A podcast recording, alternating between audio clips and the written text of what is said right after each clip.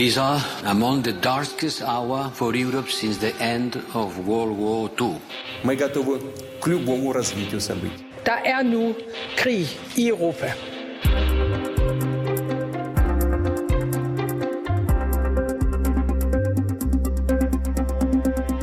Den danske og vestlige presses dækning af krigen i Ukraine er ren propaganda. Sådan lyder det fra danske Jesper Larsen, som vi skal møde lige om lidt. Og det kan vi selvfølgelig ikke have siddende på os her i mediebranchen, så i dag så åbner vi nysgerrigt op for et lidt mere russisk perspektiv på krigen, end hvad vi måske ellers er vant til at høre.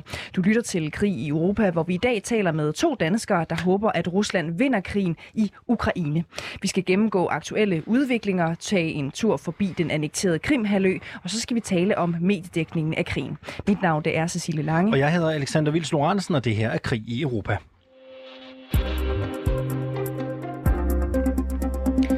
Jesper Larsen, godmorgen. Godmorgen. Du er freelance journalist, og så er du mediekritiker, det kan vi jo også øh, godt kalde dig.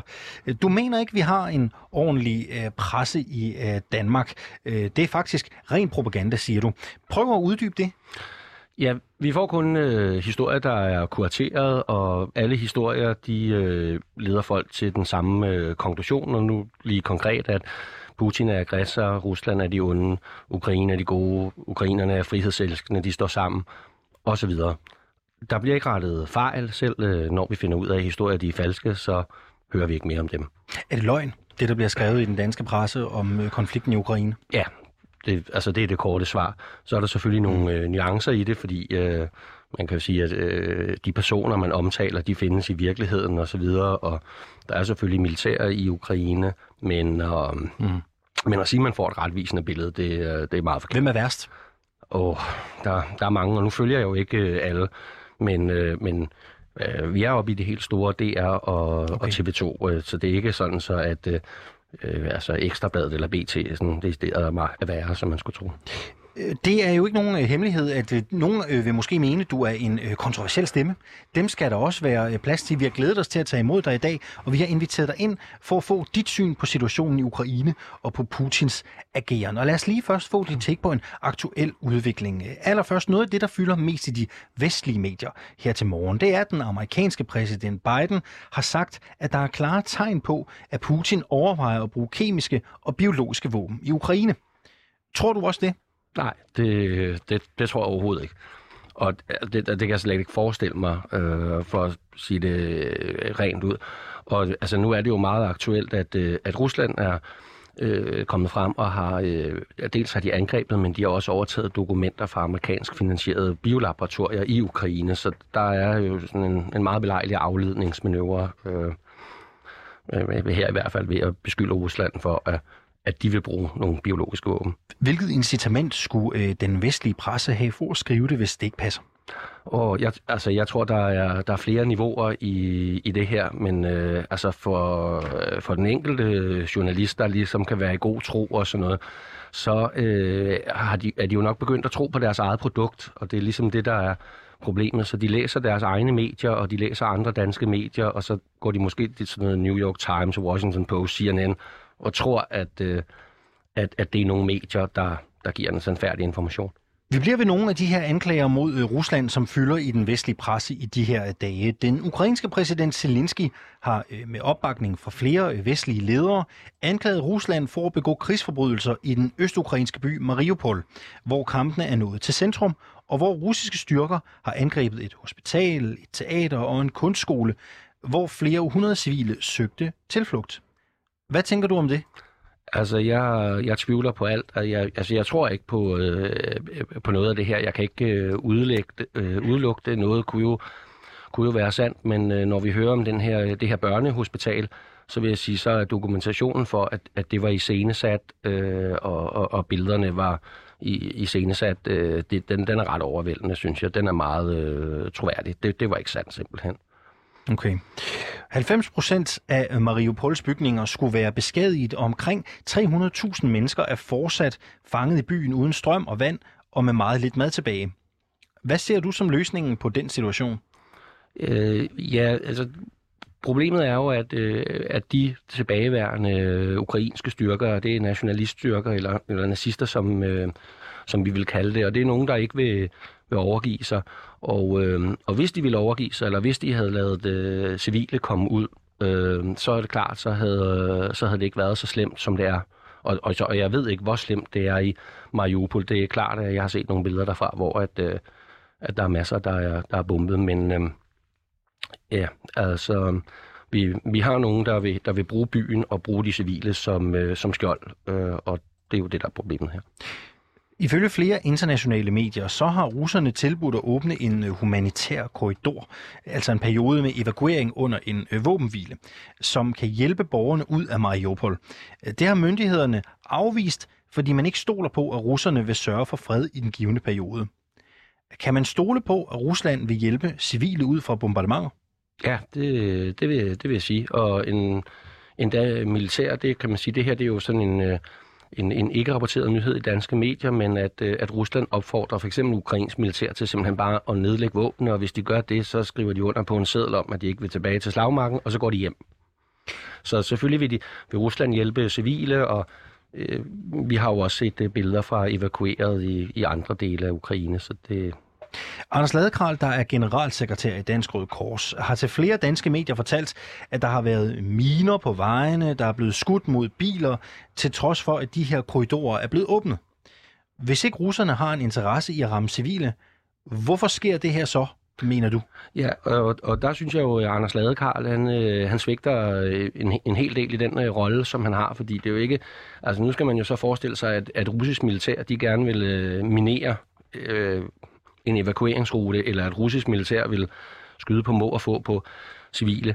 Det har russisk militær ingen interesse i, men det har nationalister, der har brug for de, øh, de civile som, øh, som skjold i byen, og, og har brug for en humanitær katastrofe, fordi den automatisk giver mere fordømmelse osv. Og, øh, og Rusland har jo også kritiseret øh, Røde Kors øh, for øh, ikke at, at, at være præcis nok i, i forhold til de her miner. Øhm, så hvem er det, der placerer de her miner på vejene og skyder mod øh, bilerne? Ja, altså... Øh, altså hvad, hvad tænker du? Ja, ja, men jeg tænker, altså jeg er der ikke øh, selv, men altså nej. dels nationalistbataljoner, men det kan også være enkelte mennesker. Man har uddelt uh, våben i Ukraine til 10.000 vis af almindelige ukrainere, så, og der kommer jo sådan noget lovløst øh, kaos, når man gør sådan noget.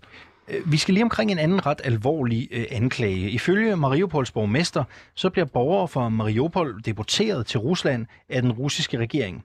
Øh, det ukrainske parlamentsmedlem Ina Sovsyn mener, at Rusland følger Nazi-Tysklands logik. Hvad tænker du, når du hører det? Jamen, jeg tænker, det er sådan noget...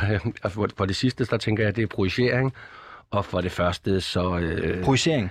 Ja, Hvad altså, mener du med det? Øh, ja, jeg mener, at, at, at, at den logik, vi ser, og den agering, vi ser fra øh, de ukrainske myndigheder, den, det, den er sammenlignelig med, øh, med Nazi-Tyskland. Altså, så de ukrainske myndigheder og den ukrainske regering er dem, der øh, handler med nazi-tysk logik? Ja, ja, og, og, og det er jo også det, de, de love, vi ser med... Hvordan, kan du ikke prøve at beskrive, hvordan du ser det? Øh, jamen, jamen, jeg ser det jo sådan, at, øh, og det, og det her det er jo en lang historie, men øh, vi i Vesten, så støttede vi i, i 2014, der støttede vi et, øh, et kup, og der har vi jo så sat øh, vores folk ved magten, designet regeringen, øh, vi, øh, vi, vi har støttet de mest radikale kræfter i Ukraine og bevæbnet dem, trænet dem osv., og det øh, har jo så skabt en situation, hvor Ukraine øh, slet ikke er et frit land, fordi at når du så har så mange øh, tusind mennesker bevæbnede radikale, som der både har truet Zelensky og også den får tidligere præsident med, at vi afsætter dig simpelthen. Vi tager til Kiev og afsætter dig, hvis øh, du, du giver indrømmelser i forhold til Krim eller i forhold til separatister. Så, ja. Du siger, at vi jo har været med til det. Øhm, når man ser på NATO's rolle og NATO's agering i den her konflikt, mener du, at NATO-landene, NATO-samarbejdet, også handler ud fra sådan en, en nazi-tysk logik? Og altså, øhm, nu er der jo NATO og NATO. Altså, i, der, der, der er nogle lande, der spiller en... Øh, det er en helt frit. Du kan sige ja, lige, hvad du tænker her. Ja, ja der, der, altså, der er nogen, der spiller en, en større rolle end, øh, end andre. USA og Storbritannien for eksempel. Ja. Det, øh, altså, de er meget aktive. Og så kommer vi i Danmark med som en, øh, en, en lydig øh, versal, der, øh, der, der hjælper med at radikalisere øh, øh situationen på alle mulige måder. Og NATO-landene, nu ved jeg ikke helt, hvor meget hvad kan sige, vi kan sige, at NATO har været indblandet i Ukraine. Det er jo NATO-landene, der laver sanktioner nu, og det er jo NATO-landene, der ligesom diskuterer, mm. om de skal gøre noget. Øh, altså, i russiske medier, så, så, så taler de om, at øh, ja, altså, alle NATO-landene siger det her officielt, men privat, så øh, ved statsledere Men så lad mig spørge på en anden måde. Er der nogen NATO-lande, som du synes handler ud fra sådan en nazitysk logik? Øh, ja, altså nu, nu, nu, når vi blander øh, de her ting sammen, men øh, øh, ja, det gør vi, så skulle vi jo tage øh, Danmark, at øh, vi tager simpelthen ned og støtter øh, ja, radikale, det ville være relevant at tage Danmark, når vi nu står i Danmark. Gerne komme med nogle konkrete eksempler. Ja, men vi kunne tage øh, sådan et eksempel som, øh, hvad hedder, jeg tror, er øh, formand for Forsvarsudvalget, Rasmus Jarlov fra Konservativ Folkeparti, der simpelthen er til fronten og besøger øh, højre sektor, right sektor, som der er anerkendt som øh, nynazistisk bevæbnet paramilitær øh, gruppe, og det vises på TV2, uden at, øh, at der er nogen, der tænker over det. Og det her naziflag for right sector, det hang der også, da Jeppe Kofod besøgte. Synes du, at politikere som Rasmus Jarlov og Jeppe Kofod er med til at støtte øhm, sådan en nazistisk ideologi i Ukraine ved at gøre, som de gør? Ja, nu, nu, nu er de jo mere med, med til at støtte krig også. Ja, ja. Altså, det, er jo- det er jo mere det, de gør, fordi at det er jo ikke sådan så, at øh, jeg tror, at øh, når de går hjem, så har de et eller andet øh, nazistisk øh, kors. Nej, nej, nej, af- bare, bare i deres handlinger. Øh, det er bare i deres handlinger. Ja, absolut, absolut. Vi, Ja. er med, vi er med til at, øh, at eskalere den her konflikt. Vi er med til at trække øh, krigen ud. Vi er med til at støtte de mest radikale kræfter i landet. Du har personligt besøgt øh, blandt andet Donetsk flere gange og kalder dig også dig selv for separatist. Hvordan spiller det ind for dig, når du ser på den aktuelle situation i Mariupol, som jo er den anden største by i Donetsk-regionen? Øhm, ja, altså jeg, jeg tænker jo, at nu i otte år, så er de her øh, separatister, det kalder de selvfølgelig ikke sig selv, så, så når jeg bruger det, så er det sådan øh, med lidt ironisk distance om mig selv, fordi jeg holder med dem. Øhm, og, øh, og nu, er det jo, nu er det jo virkelig tragisk for, øh, for de borgere, som der er i, øh, i Mariupol. Øhm, øh, altså, jeg håber, det, det er overstået meget, øh, meget hurtigt, men, men, men det, der var øh, før, det var jo, at, at du ville have netop øh, de her nazistiske bataljoner, som der styrer byen. Jesper Larsen, der er jo sådan en ting, man kredser sig omkring, når man hører det her interview. Og det er jo sådan et overordnet spørgsmål. Er det nødvendigt, det Putin han gør? Ja, det er, ja, det er nødvendigt. Eller, og, og nu kan jeg sige sådan, fordi det er jo ikke min beslutning, og jeg blev overrasket over, hvor, hvor meget han gik ind. Øh, jeg havde forventet sådan for år tilbage, der, der ville jeg have støttet, at russisk militær gik ind og befriede de her separatistområder, altså Donetsk og Lugansk. Øh, altså, så, så, Bør Ukraine være russisk? nej, nej, nej, nej, det tror jeg heller ikke. Det synes de heller ikke i Rusland. Okay, Så det, det tænker du ikke? Ja, der, og det, er jo- det er jo også det er nogle af de her sådan, ting, vi får gentaget om, at Putin han vil genopbygge Sovjetunionen, og det, det er simpelthen bare... Altså, det, Det er vås. det, det er fuldstændig vores. Okay. ja. Øhm, kan det være legitimt for Putin i den her konflikt, som du siger er nødvendig, at ty til atomkraftvåben? Øh, nej, det, altså, det vil ikke uh, være uh, legitimt overhovedet, og det er heller ikke det, som uh, Rusland vil. Og det, der skal til for, at, at vi kommer op på den klinge, det vil være, at altså, det er os. Uh, det vil være amerikanske... Det, det er de eneste, jeg kan forestille mig, der, der uh, vil gøre det, ikke? Uh, Jesper Larsen, øh, du bliver hængende i øh, studiet øh, lidt endnu. Du er øh, journalist, og jeg tror jeg også godt, vi kan sige, øh, i hvert fald er kommet endnu klarere frem, også mediekritiker efter øh, det her øh, indslag her.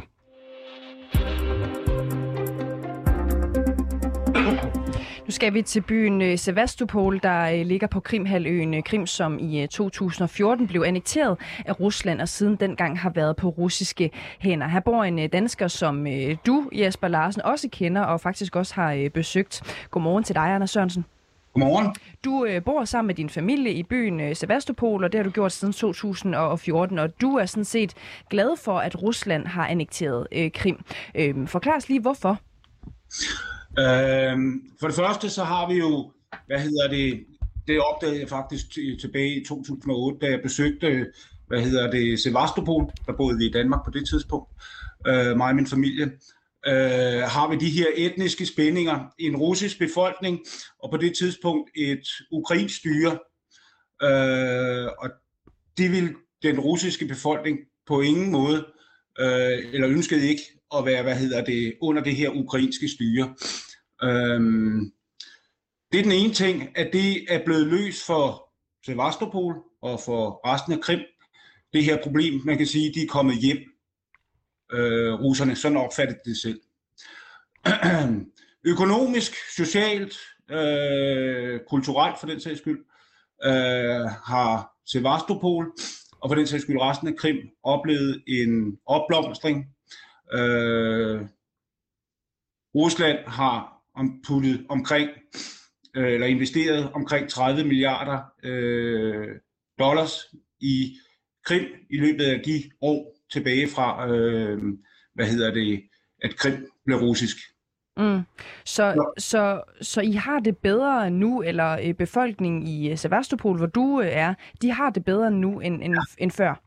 Afgjort. Okay. Af- vil, øh, vil I kunne bo der, Anders Sørensen, altså hvis I mente noget andet? Øh, altså hvis I var øh, modstandere for eksempel af det russiske styre og Putin, tror du, I ville kunne det? Øh, ja, altså, der, der er altså andre partier, de er temmelig store, temmelig i hvert fald synlige øh, i, hvad hedder det, i, i Sevastopol.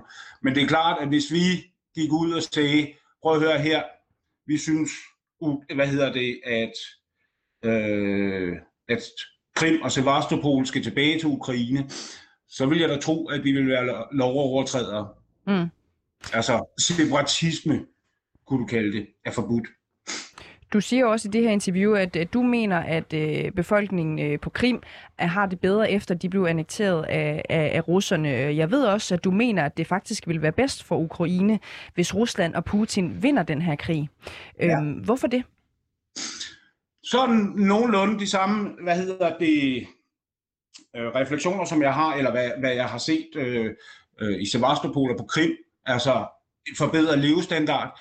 Sådan som jeg ser situationen, og har læst om situationen i Ukraine, øh, så er, hvad hedder det, er det en håbløs situation for befolkningen. En befolkning, så at sige, uden fremtid. Det var det egentlig inden, hvad hedder det, øh, Rusland gik ind i Ukraine. Øh, en håbløs situation. Hvor vi kan se, at hvad er det eneste mulighed for befolkningen, i hvert fald den befolkning, der, øh, der arbejder og kan tage et arbejde, ja, det er at flytte til Vesten for at få et arbejde, der er rimelig anstændigt. Så hvad jeg håber på, der kommer til at ske, og jeg regner med, der kommer til at ske, er, at når krigen er overstået, øh, så vil, hvad hedder det, øh, øh, så vil Rusland gå ind med investeringer i Ukraine. Måske ikke så massivt, som de har gjort øh, på Krim, men øh, i hvert fald begynde at genoptage et forhold til, øh, til Ukraine, der vil, være, der vil give den ukrainske befolkning muligheder. Mm. Øhm, du bliver lige hængende, Anders Sørensen. Jeg vil lige spille den videre til Jesper Larsen, som vi også har øh, med os i studiet øh, fortsat. Øhm, håber du også, at, at Rusland vinder krigen? Ja, nu siger du øh, vinder krigen, og det er jo altid sådan, at der er nogen, der vinder, og nogen, der, der taber, men... Ja, jo, Er det ikke sådan, det er? jo, men, vi, jo men, men hvis vi skal gøre det så simpelt, så, altså, så tænker jeg, at det er bedst for, øh, for befolkningen, det er bedst for, for alle, at der kommer en, øh, en fredelig løsning. Ikke? Og, li, og lige nu så hører vi meget om det her med, at, at Zelensky skal likvideres, men det tror jeg ikke på, for det er ham, man gerne vil lave en aftale med. Mm. Det, det er ham, man kan lave en aftale med. Øhm, øh, Anders Sørensen, forklar lige, øh, hvornår har Rusland øh, vundet, synes du? Altså når Ukraine er blevet en del af, af Rusland, eller når øh, det er blevet ligesom i Belarus for eksempel, eller hvordan ser du på det? Hvad, hvad er målet øh, for sådan en som dig? For mig, det er vel egentlig ikke mig, det handler om. det handler om den ukrainske befolkning, ikke? at den får det bedre, og den får et, øh, et håb, for at sige det på den måde. Mm. Kommer ind under et styre. Øh, nu hørte jeg noget af det, som Jesper Larsen han øh, fortalte her tidligere, og det er jeg sådan set på mange måder enig i, at hvad hedder det, at på mange områder så har vi for nuværende et styre, som er udholdeligt for, ikke kun for den russiske del af befolkningen, men sådan set også for store dele af den ukrainske befolkning. Og hvor de ikke synes at kunne komme, rigtig kunne komme ud af det her, den her situation. Vesten kan og vil ikke rigtig hjælpe, sådan så at Ukraine øh, kunne blive, hvad hedder det, et land, hvor, det, hvor man kunne bo i, for at sige det på den måde. Mm. Så bare lige, øh, så, vi, så vi er helt skarpe øh, på det, Anders Sørensen. Øh, grunden til at spørge dig, det er jo også fordi, du, at øh, du bor jo øh, øh, på Krim, øh, og derfor synes jeg også, det er relevant at, at høre, hvad du egentlig tænker. Altså, øh, kunne du bedst tænke dig, at Ukraine som et helt land ligesom bliver en del af Rusland, eller at man får tilstande som i Belarus, hvor man er mere orienteret mod øh, Rusland? Eller øh, hvad synes du er drømmescenariet for en, som bor på Krim? Jamen som sagt, det, altså, drømmescenariet for mig, det det, som jeg regner med. Altså jeg synes, drømmescenariet for mig, det er sådan lidt irrelevant. Jeg bor på Krim, ikke Ukraine.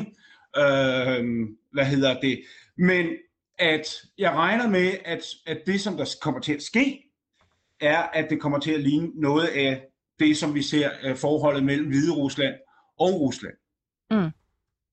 Øhm, Jesper Larsen markerer lige her i studiet, så jeg synes, du skal have lov til lige at komme med dine øh, kommentarer også. Ja, det, det var øh, en, øh, en løsning, som, øh, som Rusland de ligesom øh, foreslog øh, i, i kølevandet på statskuppet i 2014, og det var øh, føderalisering af, af Ukraine, som også, øh, der var mange øh, ukrainere, øh, der var interesseret i, hvor du så vil have øh, de her regioner, oblaster, som... Øh, øh, med, med udpræget selvstyre. Det vil øh, gøre, at Ukraine ikke kom i NATO. Det vil gøre, at, øh, at hver oblast de kunne indrette sig på... Øh, med, med nogle frihedsgrader, der, der matcher befolkningen. Det kunne du forestille dig sådan set var en fin øh, løsning for at undgå... Øh, ja. ja, ja, og der, der hørte vi nemlig i vest, af vestlige politikere og i vestlige medier, at øh, så vinder Putin.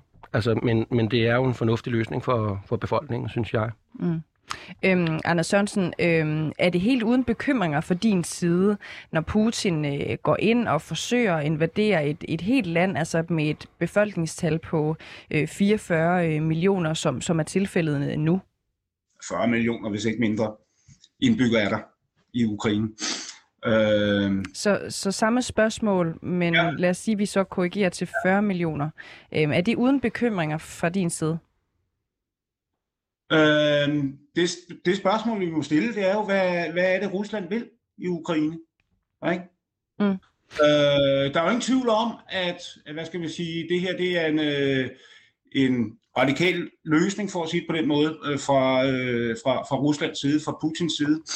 Øh, og en, hvad hedder det, en løsning, som jeg selv er overrasket over, indtil sådan set to dage inden øh, selve hvad hedder det, øh, den russiske invasion, så øh, var jeg temmelig overbevist om, at Rusland ikke ville angribe, øh, hvad hedder det, Ukraine, fordi jeg så egentlig Ukraine som et land, der før eller siden selv ville gå i opløsning. Øh, og derfor i en eller, en eller anden forstand ville komme tilbage til Rusland, i hvert fald dele af Ukraine. Jeg bliver øh, lidt, øh, undskyld, jeg afbryder dig, øh, Anders ja. Sørensen, det bliver, fordi jeg bliver lidt interesseret i, du kalder det jo faktisk en russisk øh, invasion, ikke? Putin kalder det jo selv for en militær operation. Ja. Øh, hvordan ser du egentlig på det? Ja, så jeg er sådan set ligeglad med, hvad man kalder det. Øh, det, som der er relevant, det er, hvad russerne vil, og selvfølgelig, hvad udkommet bliver. Mm. Øhm, og så er det sådan set ligegyldigt, hvad man kalder den russiske fremrykning, som jeg selv plejer at kalde det, en russisk invasion, eller en specialoperation. Mm. Det, det synes jeg. Øh, jeg synes, at når Putin kalder det en specialoperation, så skal man måske lægge mærke til, at Rusland har nogle bestemte mål, og det har de jo sådan set meget klart øh, tilkendegivet, hvad de mål er, blandt andet afnazificering, som, som Putin kalder det øh, og selvfølgelig en anerkendelse, en, en ukrainsk anerkendelse af Krim som russisk, øh, og så at Donbass og øh, Lugansk får øh, udbredt selvstyre.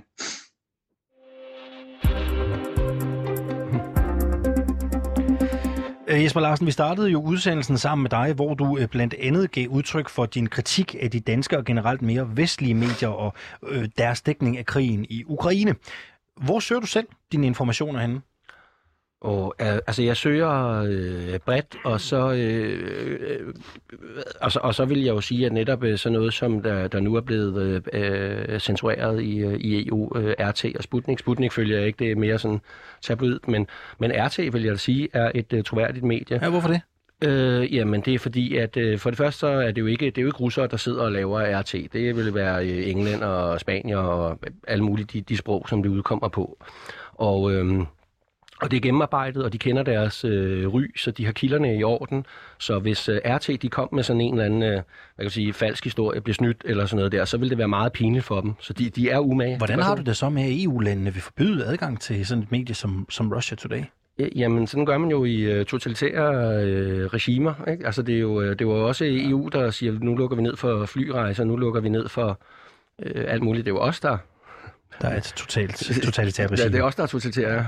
Anders Sørensen, du er stadig med os fra Krim. Ja. Hvor får Ja. du øh, primært dine nyheder fra? Og jeg får det fra russiske medier, jeg får det fra øh, russiske blogger, jeg får det fra ukrainske blogger øh, i den her sammenhæng. Øh, jeg får det fra vestlige medier. Øh, og ja, alt efter, øh, hvad det lige præcis har, ud, har Putin udtalt øh, et eller andet, eller er der kommet et statligt dekret, jamen så går jeg da ind på øh, Kremls hjemmeside og undersøger det. Ja. Den historie. Yes. Altså prøver at komme så tæt på den oprindelige kilde som muligt. Jeg skal næsten også spørge dig. Øh, Jesper Larsen sagde jo sådan øh, rimelig, øh, øh, altså sådan rimelig kontant her, at det er, jo, det er jo os i EU, der er et totalitært regime, når vi eksempelvis lukker adgangen til øh, Russia Today. Er du enig i det? Nej, jeg ved ikke, om det er totalitært. Altså sådan, altså, det er ikke en debat, som jeg følger særlig meget, altså Mm. mm. om, øh, hvad hedder det, om vi kan kalde det totalitært. Sådan som man ser det i øh, Vesten, det er, at, hvad hedder det, det her det er en, en krig, og det her det er ikke kun en krig mellem, øh, det skal vi jo lige huske på, mellem, øh, mellem Ukraine og Rusland. Det er, hvad der, det er, hvad der kaldes unrestricted warfare, og det er så en unrestricted warfare, eller war, mellem, mellem Vesten på den ene side, og Rusland på den anden side. Uh, vi kunne tage mange andre deltagere med i den sammenhæng, Kina for eksempel. Uh, Jesper Larsen, vi skal lige tilbage til, vi skal lige tilbage til Jesper Larsen, øh, fordi siden Putin gik ind i Ukraine, så er der jo sket lidt i det russiske mediebillede. Øhm, Der er blevet luet ud, kan man sige. Hvad tænker du om den russiske presses tilstand? Øh, ja, at, altså sådan helt øh, du ved, isoleret set, så synes jeg jo, det er skidt. Øh, og hvis jeg var, var russer, så ville jeg jo også være utilfreds med, øh, med, med, med det, der er sket i, i Rusland. Det er så foregået på en lidt anden måde, end, end den måde, vi har gjort i, i, i, i Vesten. Og, øh, og jeg er ikke øh, helt up to date, men, øh, men vi har, altså, i, i Rusland har du jo haft øh, medier, som der er finansieret af, af Vesten, og, og de er jo så særlig hårdt ramt her. Men den russiske presse, også sådan for at, og, og sådan blive helt skarpe på det, er den mere øh, pluralistisk og fri, end den øh, vestlige presse er? Oh, jeg ved ikke. Altså, jeg synes, at nogle af de talkshows, som jeg har set, hvis vi skulle, sådan, skulle sammenligne med debatten, så synes jeg, de er mere øh, pluralistiske, men det er jo men det er heller ikke, altså, der, der er flere øh, folk. Du har jo også et større sprogområde og, og dæk, så der er, en, der er en masse, og, og, og du har mange flere holdninger i Rusland, end man tror, at vi har jo sådan et billede af, at de alle sammen øh, øh tager en ordre for Putin. Så, øh, så, så det er svært. Altså, der findes rigtig, rigtig, rigtig god øh, russisk journalistik, og der findes også rigtig dårlig øh, russisk journalistik, og det findes på hele spektret. Hvis vi ser på, hvordan krigen i Ukraine den bliver dækket forskelligt i de russiske og vestlige medier, så mener du jo, Jesper Larsen, at vi blandt andet skal se på korten over, hvor langt de russiske tropper er nået i Ukraine. Hvad er det for en forskel, du ser? Ja, altså der øh, har, øhm, øh, øh, nu kan vi sige, at, øh, at TV2 de kører sådan en, øh, en feature på deres hjemmeside, hvor de så viser nogle kort, og det er, og jeg tror også, det er de samme kort, som de bruger i, i Danmark. Vi hører om, at den russiske krigsmaskine er gået i stå, og de har for lange forsyningslinjer, det er gået helt galt for, for Putin. Så har det franske udenrigsministeriet, de er kommet med et opdateret kort med deres eget kort. Den viser, at, at Rusland har i går så en erobret noget mere, og så er der så øh, et øh, ikke-autoritativt øh, russisk kort, hvor at øh, de her bloggere og analytikere, som der sidder og kigger øh, på det og siger, hvad sker der i virkeligheden her? Og der får vi jo et helt andet billede, end, end det vi hører i, i Vesten. Og det er, at, øh, at hovedparten og de bedste af den øh, ukrainske her, øh, øh, dem som der øh, ifølge Rusland og Putin skulle øh, invadere Donbass, og det var derfor, man blev nødt til at reagere, at de er sådan set øh, omringet. Øh, de kan ikke bare flytte sig. Øh, de er vest for Donetsk, altså i, i øst. Og øh, øh, jeg, må, jeg må sige, jeg ved ikke sådan helt præcis, hvad der foregår der, men jeg er helt sikker på, at Rusland vil gerne have, at de sådan set bare nedlægger våbne. Og, øh, og det vil jo så sige, at så vil du have en militær sejr så, så det du i virkeligheden siger, det er, at, at, øh, at, at russerne i virkeligheden forsøger at mindske øh, civile tab. Ja, absolut. Ja. Så, så, så de vestlige medier, ifølge dig, de, øh, de fortæller slet ikke den historie. Altså ja. historien om, at russerne i virkeligheden gerne vil undgå at øh, dræbe civile ukrainere. Ja. Den historie er helt udelukket af vestlige medier. Ja, ja og ukrainsk militær, almindelig ukrainsk ja. militær vil de også øh, undgå at, at dræbe, hvis de kan. Ja. Altså, de vil gerne have, at de øh, overgiver sig, så får de lov at gå hjem. Øh, og, og jeg kunne bare give eksemplet, hvor, hvor absurd det bliver, at at, øh, at du, du i DR, så har du så en analyse af, at øh, nu begynder Rusland at tæppebombe byen og, og så videre i Kiev, og så stiller du om til Kiev, hvor der sidder en, en dansker med, med Skype og internet, ikke? så han har både strøm mm. og internet, og hvis Rusland øh, ville, så var der slukket for strøm og Yeah. Anders Sørensen, ganske kort til dig her til sidst. Har du mistet modet og troen på en russisk sejr? Nej, på ingen måde. På ingen måde. Men vi skal se det her som en lang, lang konflikt, som jeg nævnte før. Øh, det her er ikke kun en, en krig, der foregår i Ukraine, men vi har også en konfrontation mellem Vesten og Rusland. Og vi kan sige, at Rusland har sådan set ikke nået deres mål før, før de har fået Vesten, så at sige, til at indrømme eller tage de russiske krav over for Vesten og over for NATO alvorligt. Anders Sørensen, øh, du er dansk, du er bosat i Sevastopol på den russisk annekterede Krimhalø. Tak fordi du var med os øh, her øh, til morgen.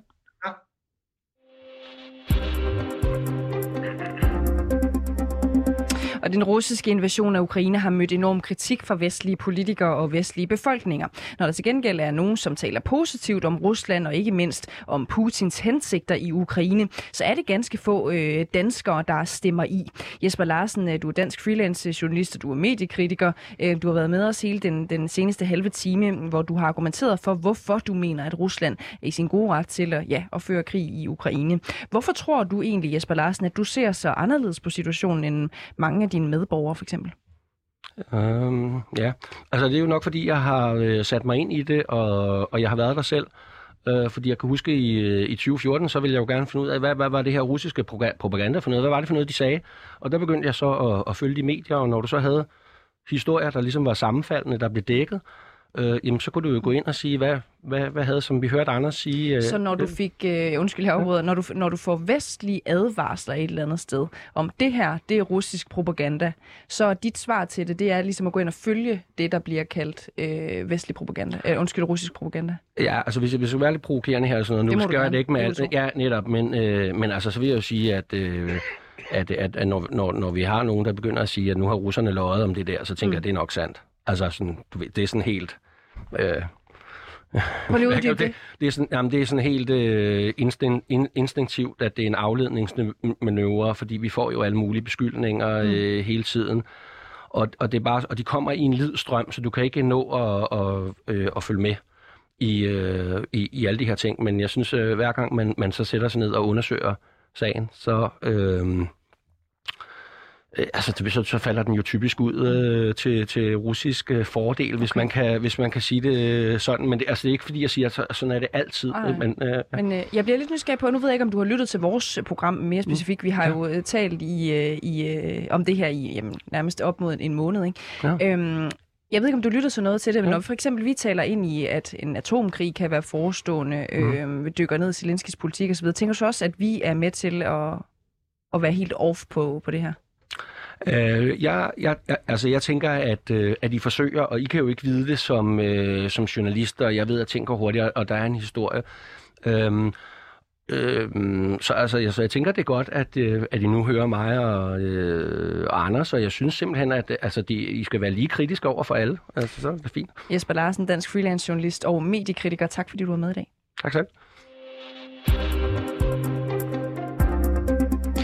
Du har lyttet til Krig i Europa med Cecilie Lange og Alexander Vils Lorentzen. Og husk, at du kan finde flere udsendelser i 24-7-appen, eller der, hvor du henter dine podcasts. Du kan selvfølgelig også lytte med hver dag live i radioen, når reporterne sender mellem 7 og 9.